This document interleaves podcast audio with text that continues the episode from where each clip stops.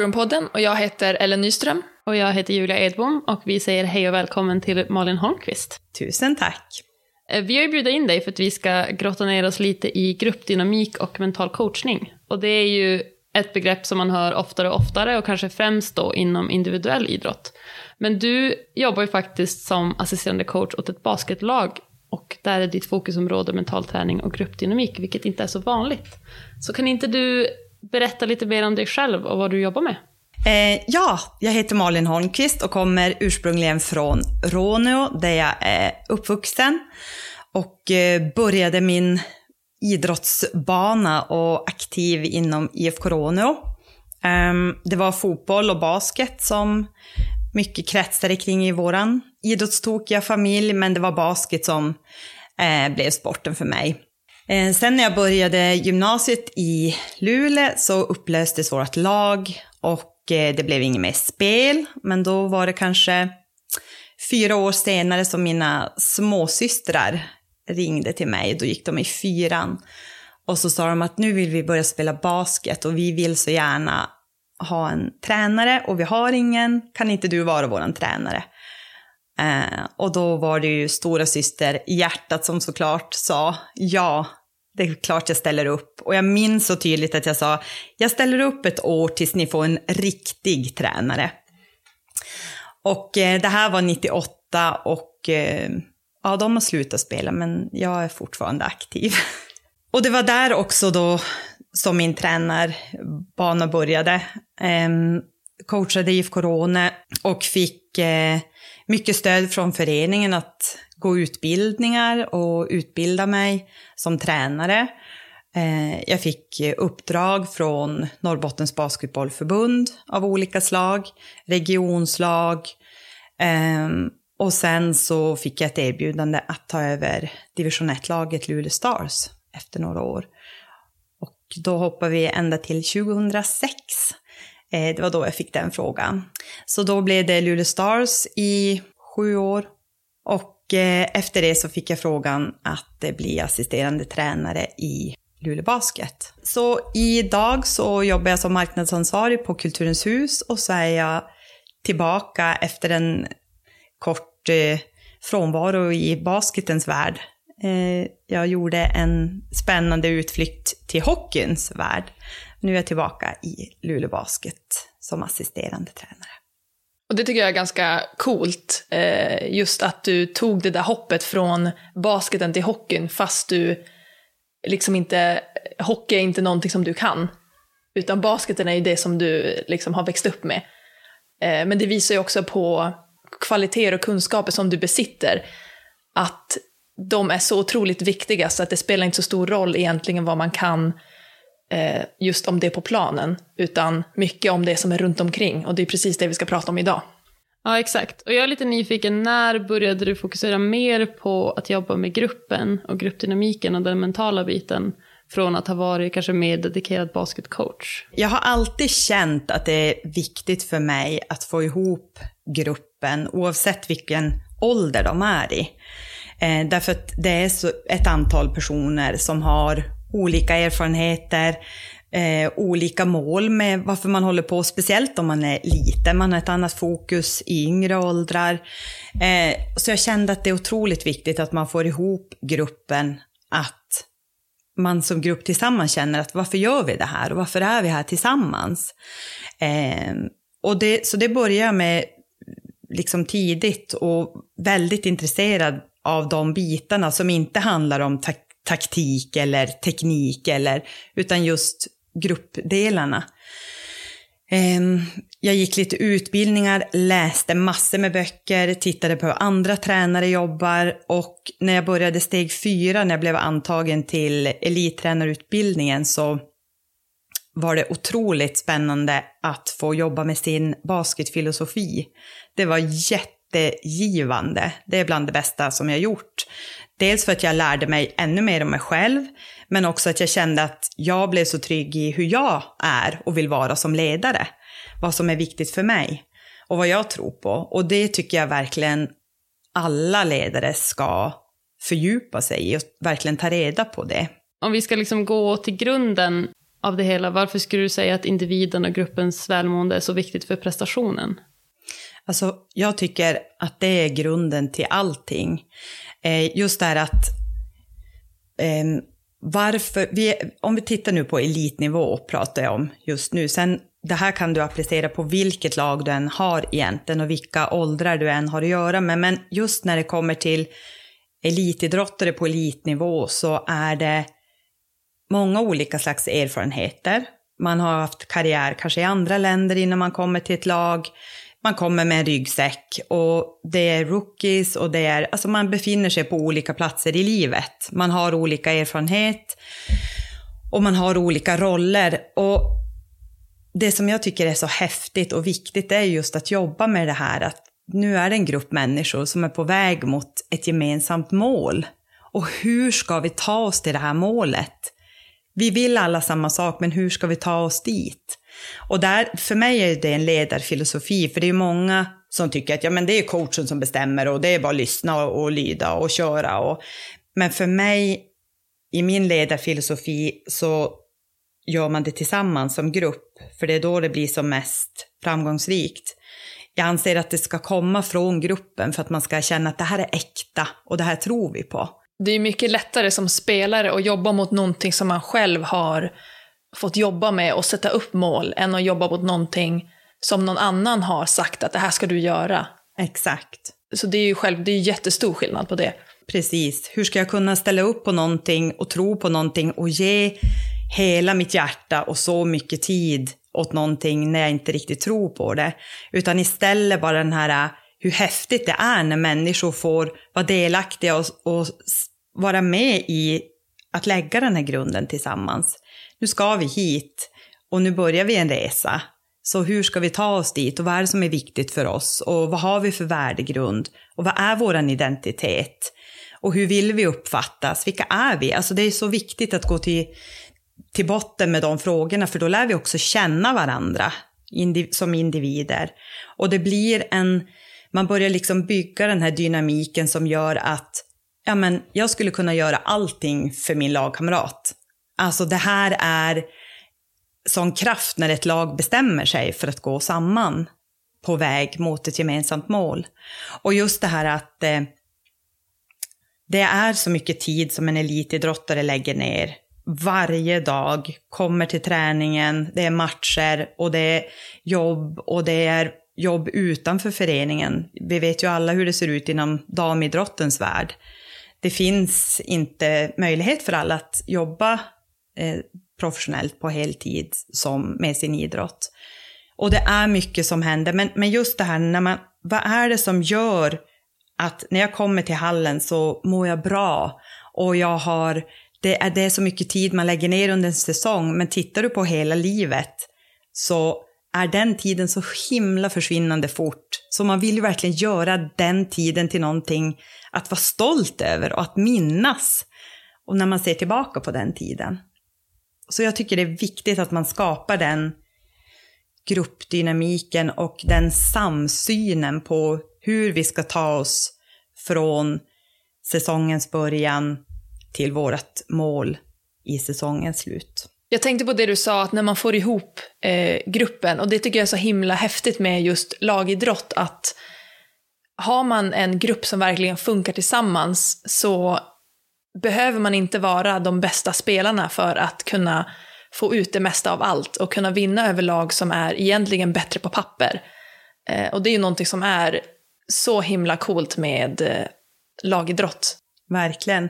Och det ni var inne på i början, att det finns många som jobbar med de här delarna när det är individuella idrotter, som skidåkare till exempel, och de har ju väldigt mycket kontakt med en mental tränare eller en liknande resurs. Men jag är förvånad att det inte är lika stort i grupp, för det behövs i, i lagidrotter också.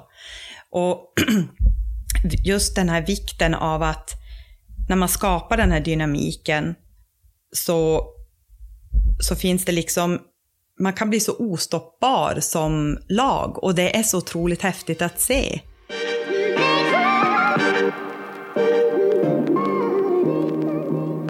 I år så har vi ju då fått äran att ha dig som vår coach. Eh, och jag känner eh, jättestor skillnad på hur vi jobbar och framförallt på eh, vår lagdynamik i år är ju helt otrolig. Så jag tänkte fråga dig, vad, vad är det egentligen som gör en bra grupp? Och vad är det som ingår i välmåendet i den här gruppen? Och hur får man till det liksom? Det är ju alla som skapar det. Det är ju inte jag eller headcoach eller, utan det är ju alla tillsammans. Det är ju en vilja från alla att få ihop det här. Att man liksom lägger pusselbitarna från start. Vad är det som är viktigt för oss och hur ska vi komma dit? Och att man får en samsyn. Det är ju allas ansvar, alla har lika stor del i det. I en coachstab så bygger man ju den, tycker jag, bäst om man bygger den precis som man bygger ett lag. Att man har olika kompetenser som kompletterar varandra. Då tycker jag att det blir mest spännande och förutsättningar för att det ska bli riktigt framgångsrikt. Eh, jag tycker att det är jätteroligt att i år bli kontaktad av Luleå Basket och också få möjligheten att komma tillbaka och jobba med, bara med de här delarna. Det tycker jag är jättehäftigt och kul också att, för det var min första fråga också, men headcoach och assisterande, de måste ju också känna att det här är viktiga delar och inte att man känner så här, ja men det där är inget i min ledarfilosofi eller det där känns flummigt eller det där, för det skiner igenom. Man kan inte säga att en sak är viktig och sen lever man inte efter det.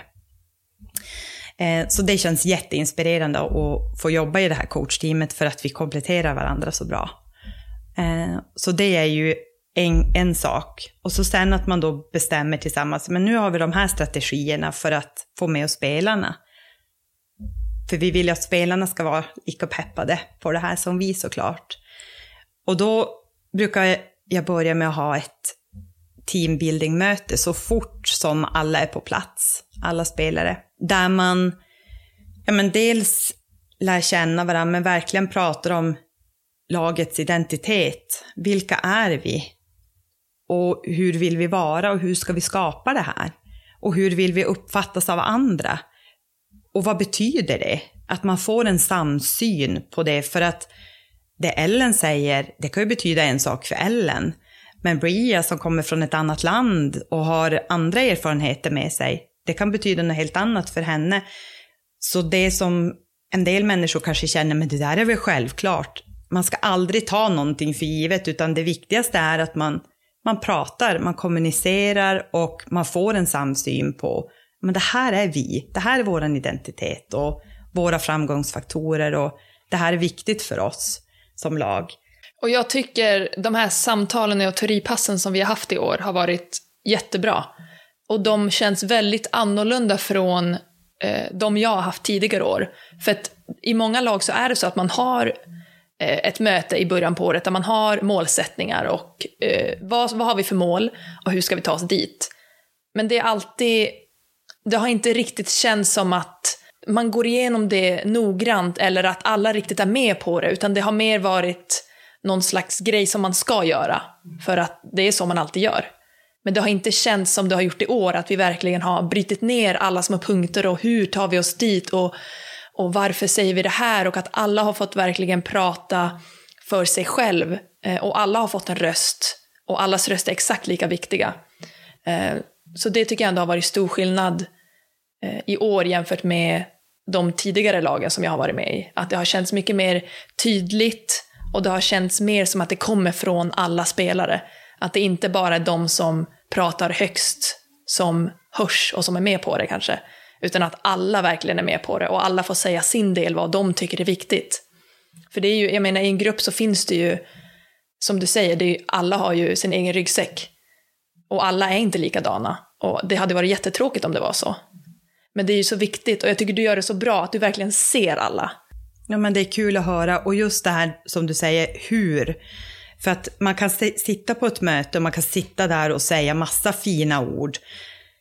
Och sen gäller det ju, det är ju det som är det viktigaste, att ta de här orden och det vi har bestämt från mötet och så gå ut och göra det här varje dag och leva efter det och tro på det Och visst, sen kan det vara att man behöver justera på någonting, men, men det fångar man ju upp genom att man har regelbundna möten och, och man, man också skapar en miljö där alla spelare, som du är inne på, känner att men min röst är värd någonting. Det även fast jag är rookie, eller för, fast jag är proffs, eller vart jag nu befinner mig i min karriär, så är min röst lika viktig och det, det, det tror jag på så till 100 procent. Och att man skapar den här miljön och det klimatet som blir tillåtande och där jag får säga vad jag känner utan att någon suckar eller himlar med ögonen eller tycker att det är fel. För alla har olika känslor och tankar och olika platser i livet.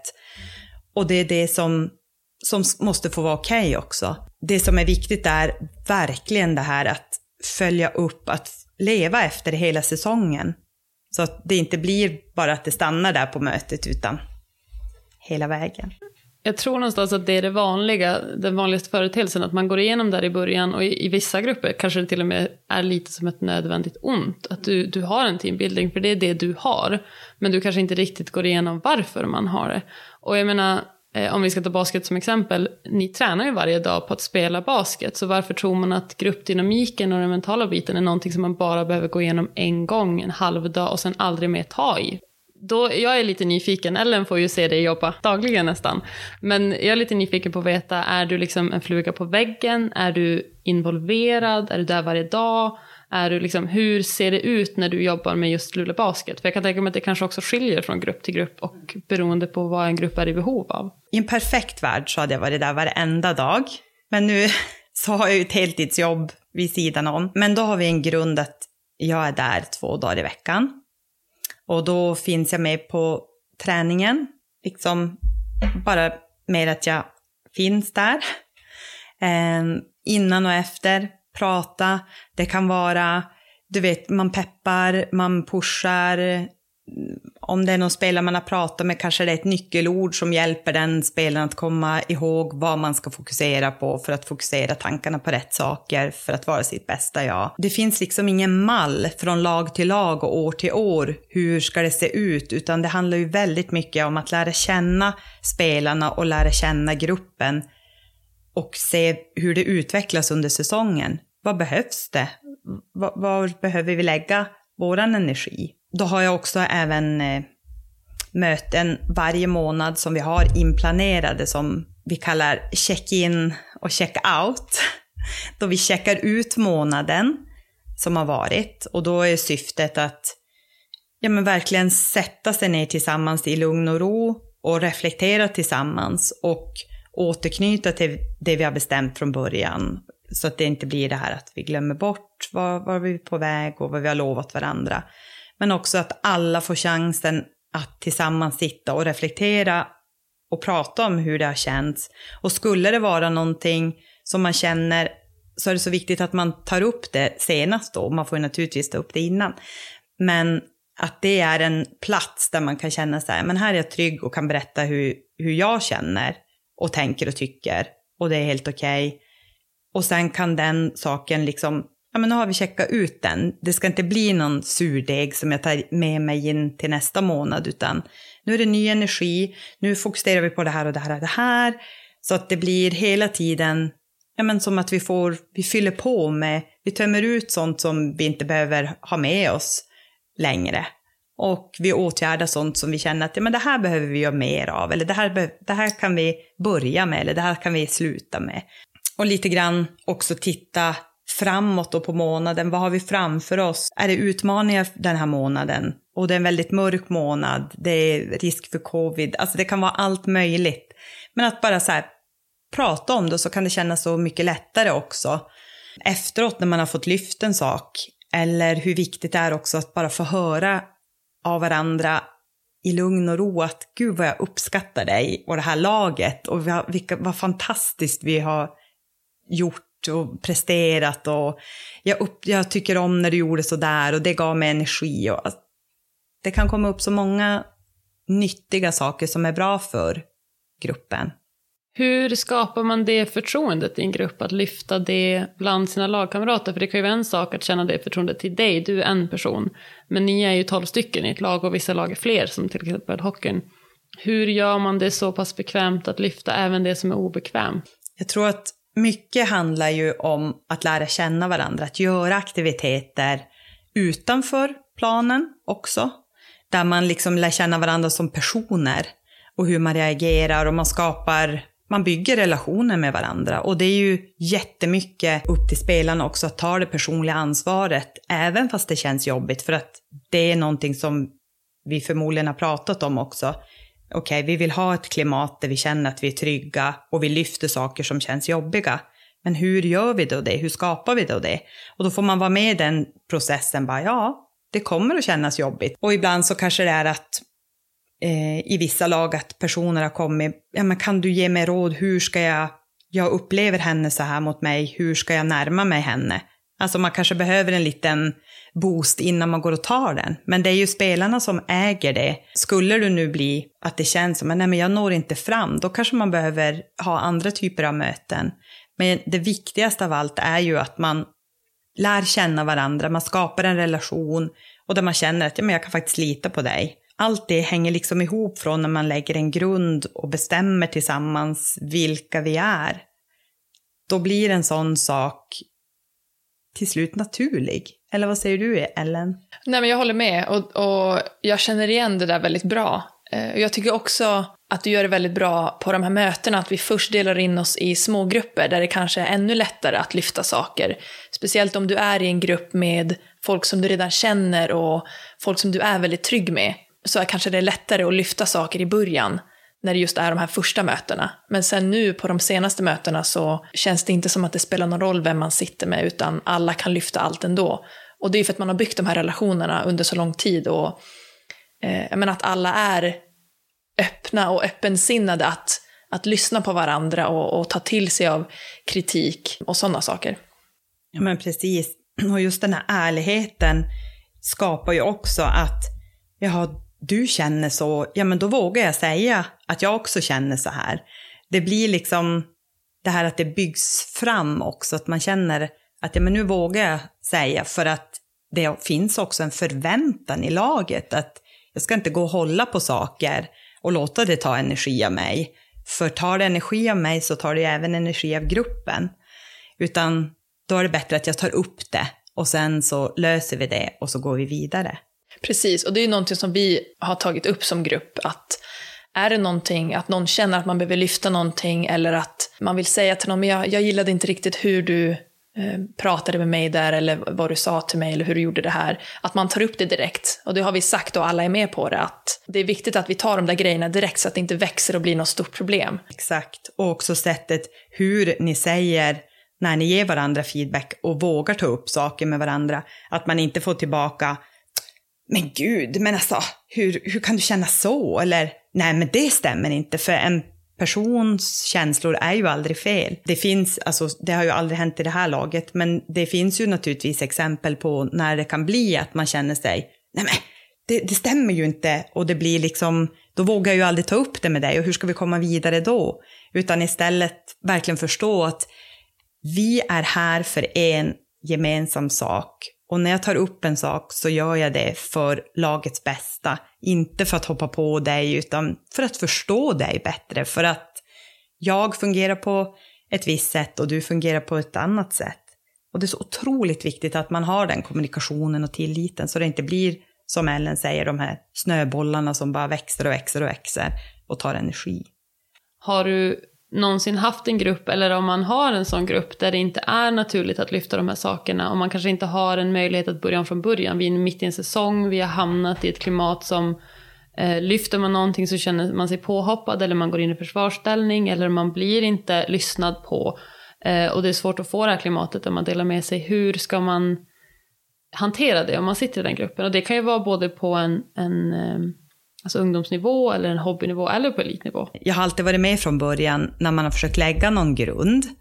Men däremot så har jag varit med, om jag tittar tillbaka till de yngre lagen, där, där det här är lika viktigt som på elitnivå, absolut. Där är det så otroligt viktigt att man fångar upp det så fort som möjligt. Och där tror jag att när man är på ungdomslag så har man kanske inte utvecklat heller förmågan att prata på samma sätt som man gör när man är elitidrottare.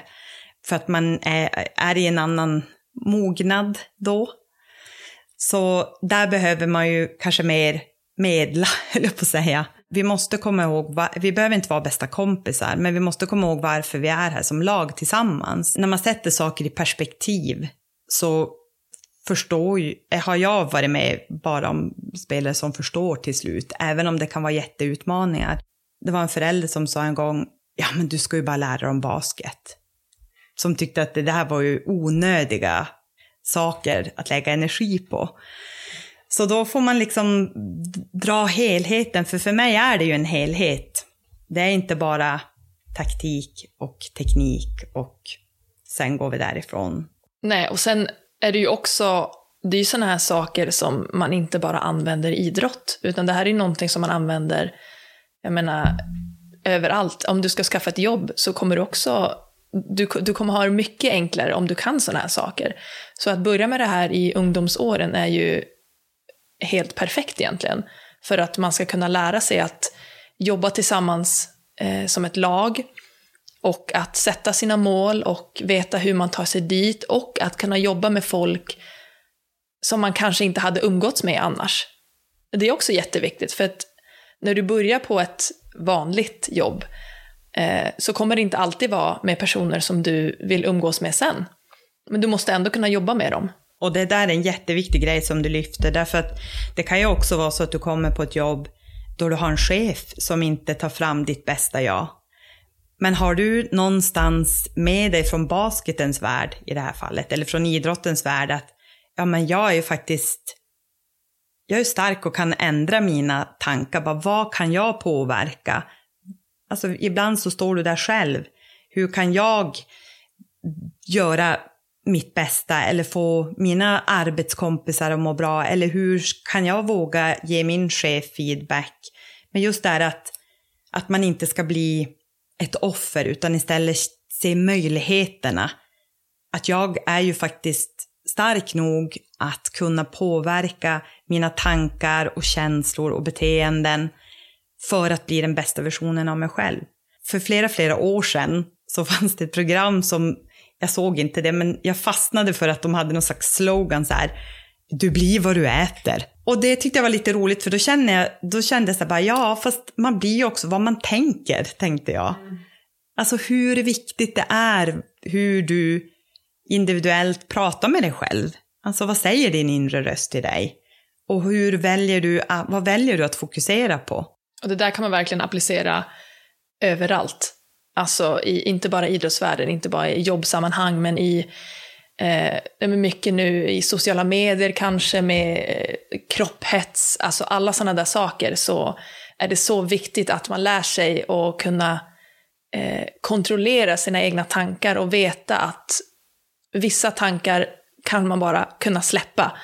Man kan få tänka dem absolut, men sen måste man kunna släppa dem. Men jag tänkte på det du sa med um, att man ibland har chefer som man inte riktigt gillar. Mm. Då tänkte jag på att ja, ibland har man ju också coacher som man inte riktigt kommer överens med.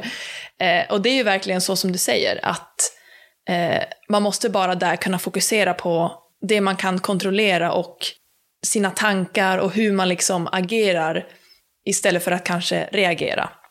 Ja, men det, det är verkligen så viktigt. Och där kan man ju också ha hjälp av sina lagkamrater om man skulle hamna i en sån situation att ja, men den här ledaren har ju inte en filosofi som tycker att det är viktigt att vi bygger en stark grupp, utan det kan ju faktiskt vara en filosofi, en ledare som tycker att han är den som bestämmer och pekar med hela handen och så här ska det vara och jag har all den här erfarenheten och den ska ni bara, ni ska utföra. Det finns ju många olika ledarstilar om man säger så. Så ehm, att vara stark mentalt och bära med sig tankar om hur ska jag må så bra som möjligt i den här situationen. Det är svårt, men det blir lättare om man har den erfarenheten eller den insikten av att tankens kraft är stor och kan hjälpa mig, även om min coach inte kan det.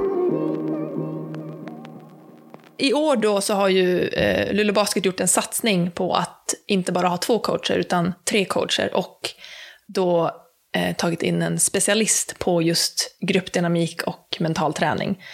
Eh, så vad tror du är fördelarna med att ha en coach som just fokuserar på det här gentemot att ha en headcoach som tar det ansvaret också utöver sina vanliga uppgifter?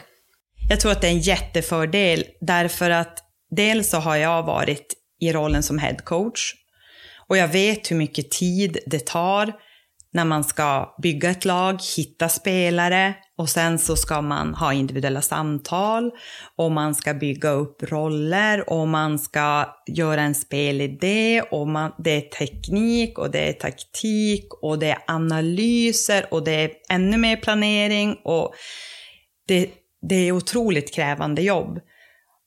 Och då blir det tyvärr ofta så att man kanske, om man även också ska ha ansvaret över de här delarna med teambuilding och gruppdynamik och individuell mental utveckling, då kan det faktiskt lätt bli att det kommer på sista plats.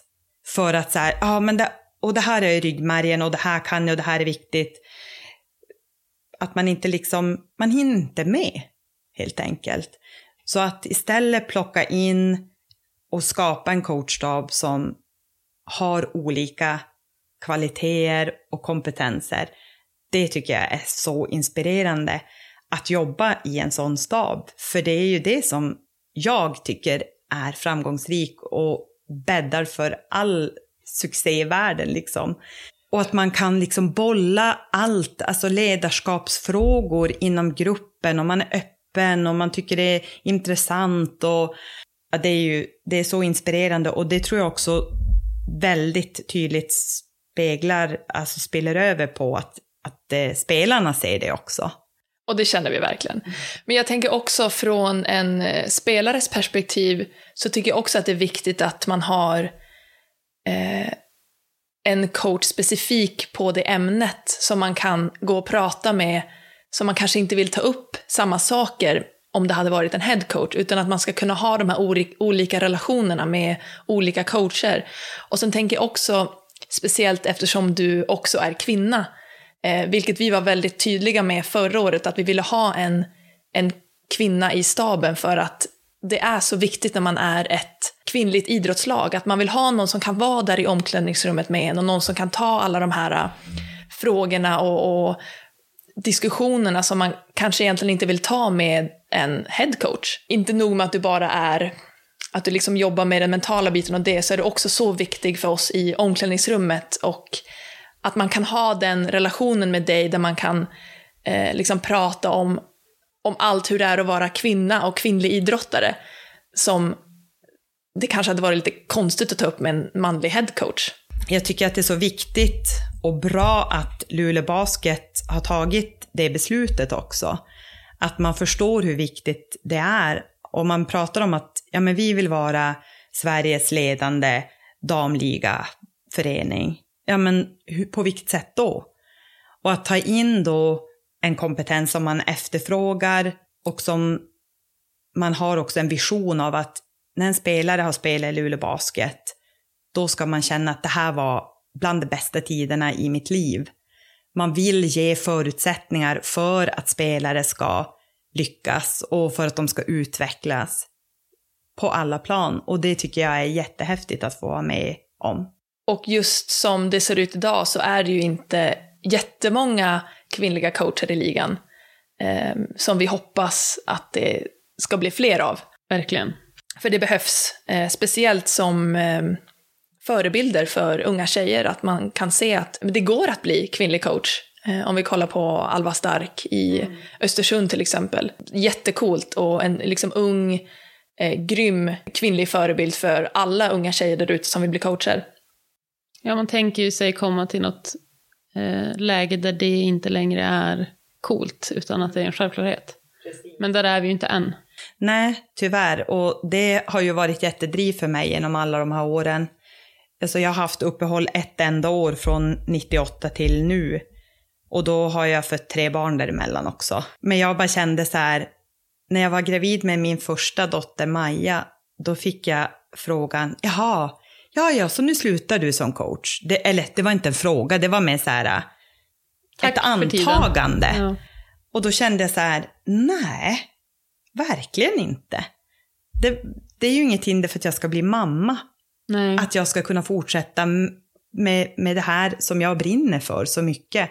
Och finns det en tjej där ute, en kvinna som kan bli inspirerad och våga göra samma sak. För jag, jag blir så ledsen när det blir de här diskussionerna att ja men hon är ju barn, ja men det har väl pappan också. Ja, verkligen. Som kvinna tror jag också att man, då har man fått höra så här, jaha, men du har ju småbarn när man är coach.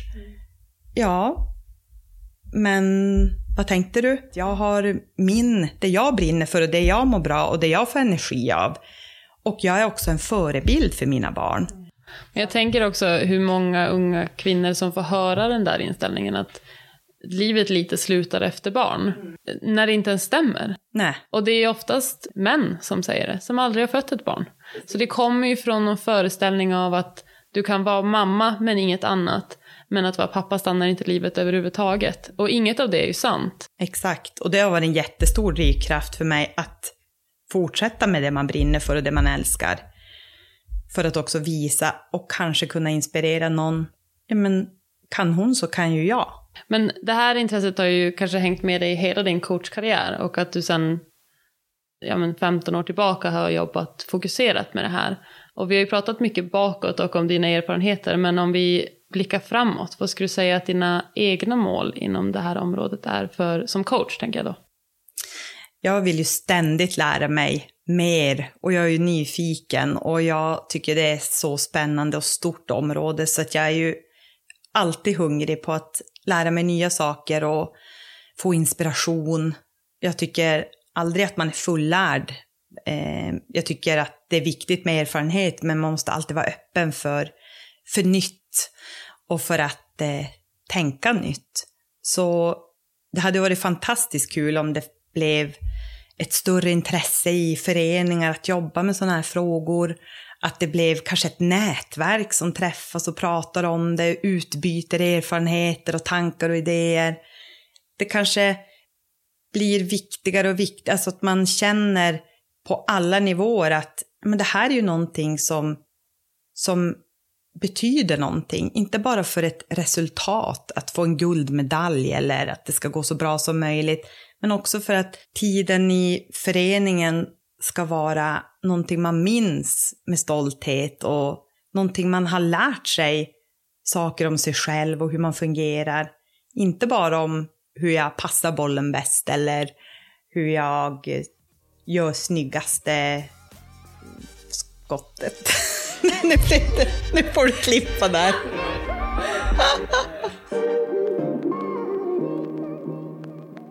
Men om det då är eh, någon av lyssnarna som känner att de vill fördjupa sig inom det här, eh, var, var börjar man då och vad har du för tips på vägen? Jag tycker absolut om man är inom basketvärlden så ska man utbilda sig och gå de här olika stegen som finns. Tränarutbildningarna. Eh, att skriva sin, eller att jobba och ta fram sin coachfilosofi och ledarfilosofi, det rekommenderar jag alla. Även om man inte går en utbildning, men verkligen börja hos sig själv. För det är ju där allting börjar. Det är hos coachen, det är hos spelarna, det är, det är hos mig det börjar. Och det är ingen som kan ändra någonting annat än jag själv, utan jag måste vara med och bidra. Så att börja med att lära känna dig själv som coach, eller och som människa. Jag har ju varit en sån som har läst och läst och läst och, och frågat och åkt på träningar och frågat coacher och pratat med dem och skaffa mig massa intryck som jag sen känner har blivit också det jag tror på. För det, du kan aldrig kopiera någon och liksom, ja men nu ska jag göra som det står i den här boken, eller ja men så här har ju hon gjort, så då gör jag så. Utan man måste verkligen hitta sin grej som man tror på. Sen finns det ju olika, eh, om man vill fördjupa sig i mental träning så finns det ju, du kan ju certifiera dig och du kan gå massor med olika typer av utbildningar. Så googla loss och kolla möjligheterna. Det har varit så kul att ha dig här Malin. Jag har lärt mig jättemycket. Ja, jag med. Det har varit jätteintressant eh, samtal. Och eh, verkligen kul att få gå in på djupet med det här när jag också kan se det eh, liksom i praktik sen när vi jobbar med det. Eh, så det har varit jätteintressant för mig att lyssna på. Tusen tack för att du kom. Det är jag som ska tacka.